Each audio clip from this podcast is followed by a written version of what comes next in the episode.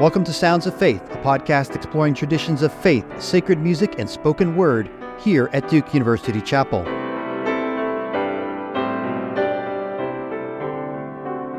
The late minister and theologian Howard Thurman preached at Duke Chapel in 1979. Man does not live by bread alone,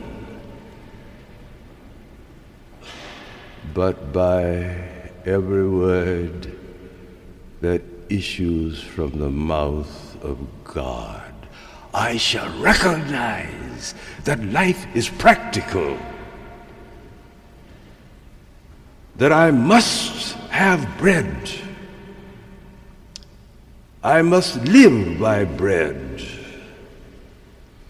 But there are needs of another kind that I have. Reverend Dr. Thurman was influential in the thinking and spirituality of the Reverend Dr. Martin Luther King Jr. and other civil rights leaders. More recently, his preaching, poetry, and scholarship has gained renewed attention from academics and church leaders for how it can speak to the divisions and challenges of today.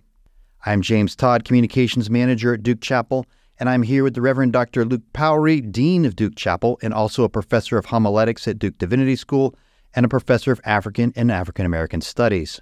Dean Powery, you teach and publish on Thurman's work. So, what strikes you when you hear this recording of Thurman's voice echoing in Duke Chapel? Oh, man. Thurman was one of a kind um, in who he was. I never met him personally, but what he embodied as a preacher um, and a sense of pause, which he even called a sacrament of pause. And when he's preaching, it's almost as if he's talking to God. That's interesting you say that because in the recording that comes through very strong. There's these huge pauses, but if you're reading him, you wouldn't necessarily hear the pauses. The, most definitely. And it's almost as if uh, preaching is a conversation, not only between the preacher and the people, but also God is present. And it's as if his the way he pauses and he leaves room for the Spirit. He leaves room for um, the living Word to to speak in between our own words and His words. that definitely comes across. Okay, so let's listen for that sacrament of pause in Thurman's preaching. Here's more of that 1979 sermon he preached here at Duke Chapel titled Jesus Christ and the Gothic Principle. The accent, the emphasis of my life must take in its creative sweep the fact that I'm a creature locked in the earth as the pillars of the arch but something deep at my center that reaches into infinity like the sweep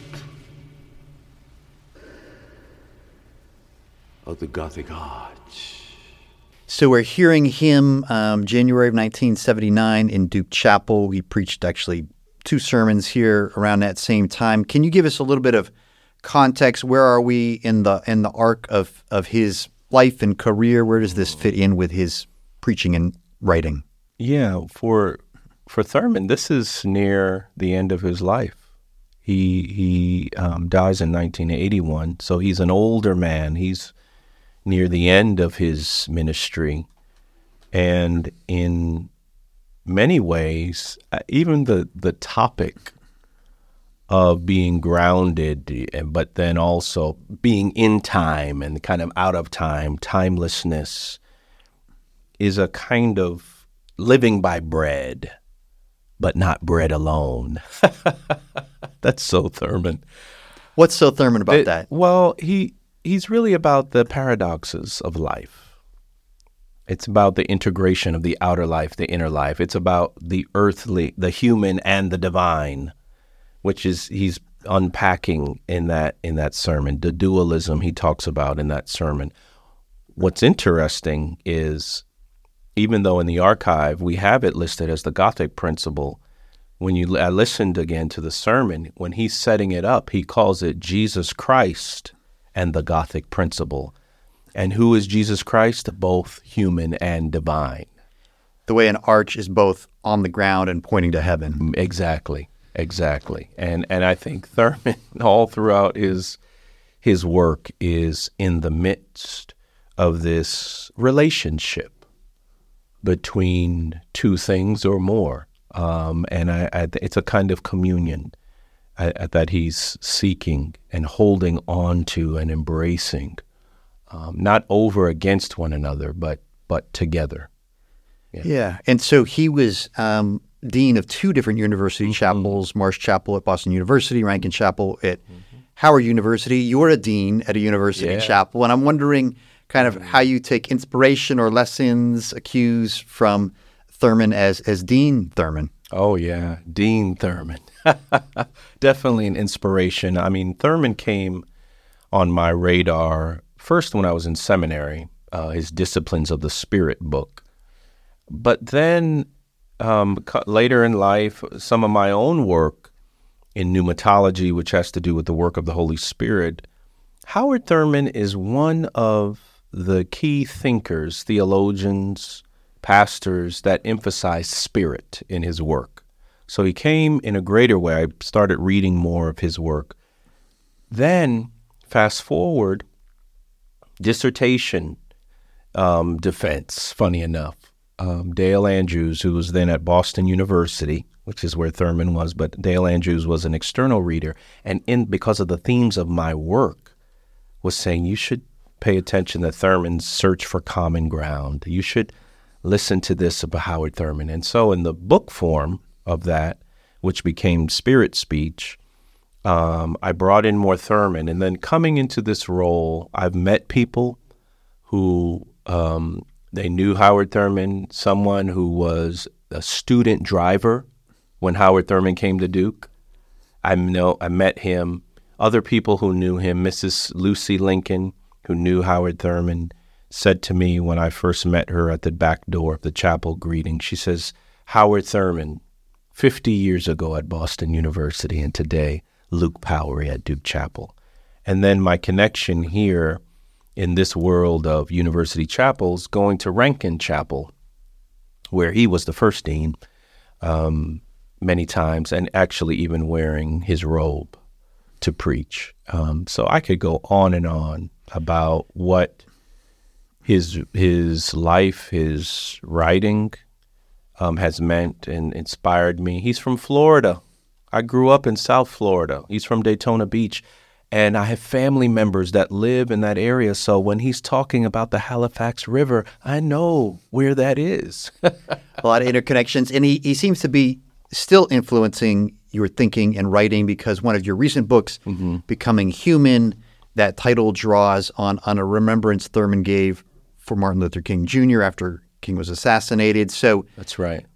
How are how does Thurman's ideas shaping your your your thinking even now? It, it, yeah, great question. Definitely the title of the book, The Becoming Human. But what's interesting, that book um, is a kind of fuller uh, exposition on three lectures I gave at Austin Presbyterian Theological Seminary, the Currie Lectures, which the title for those lectures were Searching for Common Ground, playing off of Thurman's book, Search for Common Ground.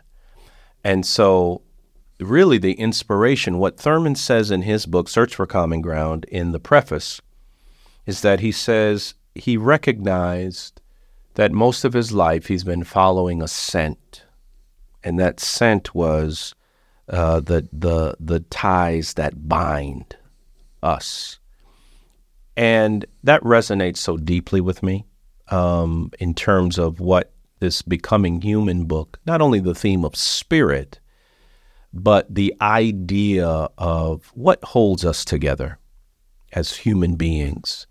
And Thurman, along with others, was a person who grew up during the time of segregation. He writes about this in his autobiography, With Head and Heart. But he is one who lived through racism and was trying to help us move beyond it.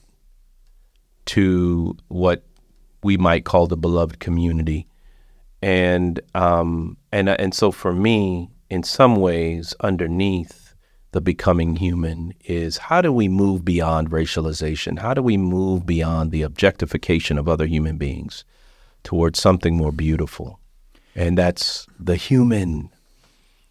You're starting to touch on it, but you not only in your writing um, cite Thurman, but you teach a course on Thurman Mm-hmm. through the Divinity School Deep River.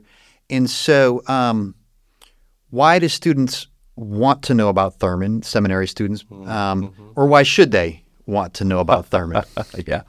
Yeah, I think, you know, Thurman is I mean, there's a resurgence of scholarship on him in the in the last several years for sure. I think some students are they've heard his name thrown around and they haven't read anything about him or they only think about Jesus and the disinherited, which is a classic text, but he has so many other books.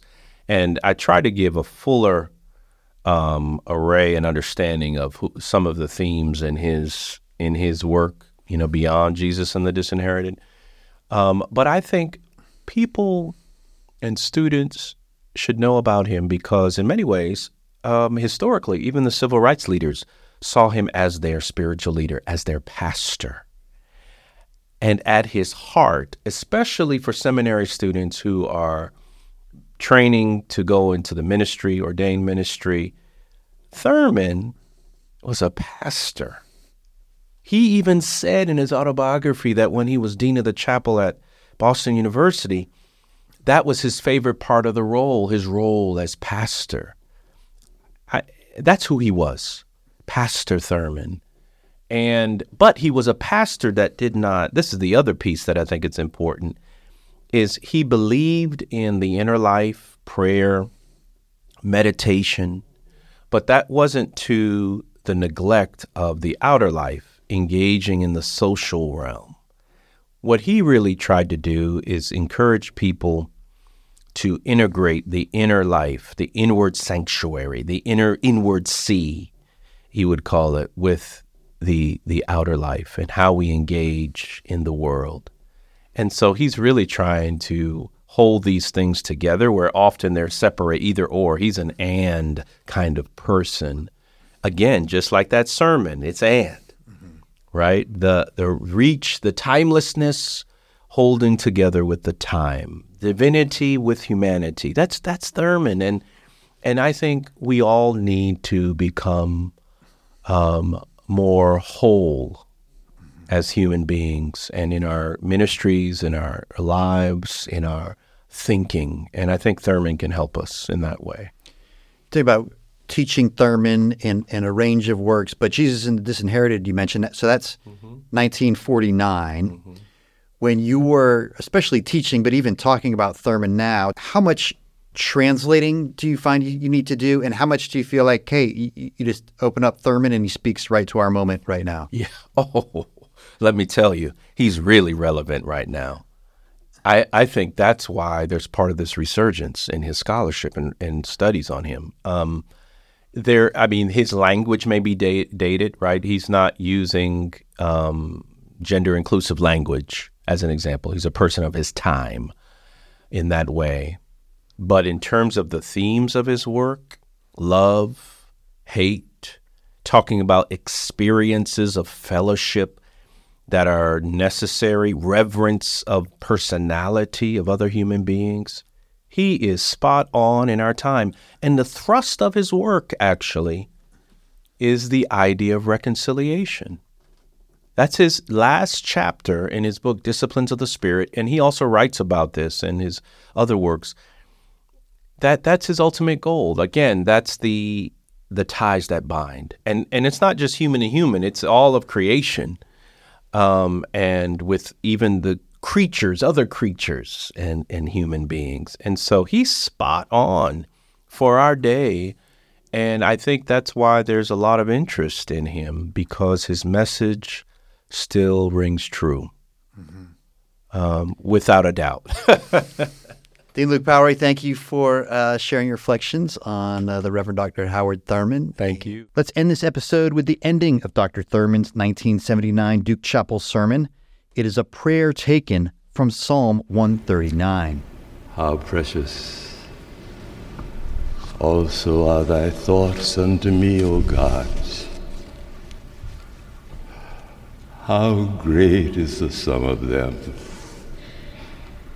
If I should count them, they are more in number than the sand. When I awake, I am still with thee.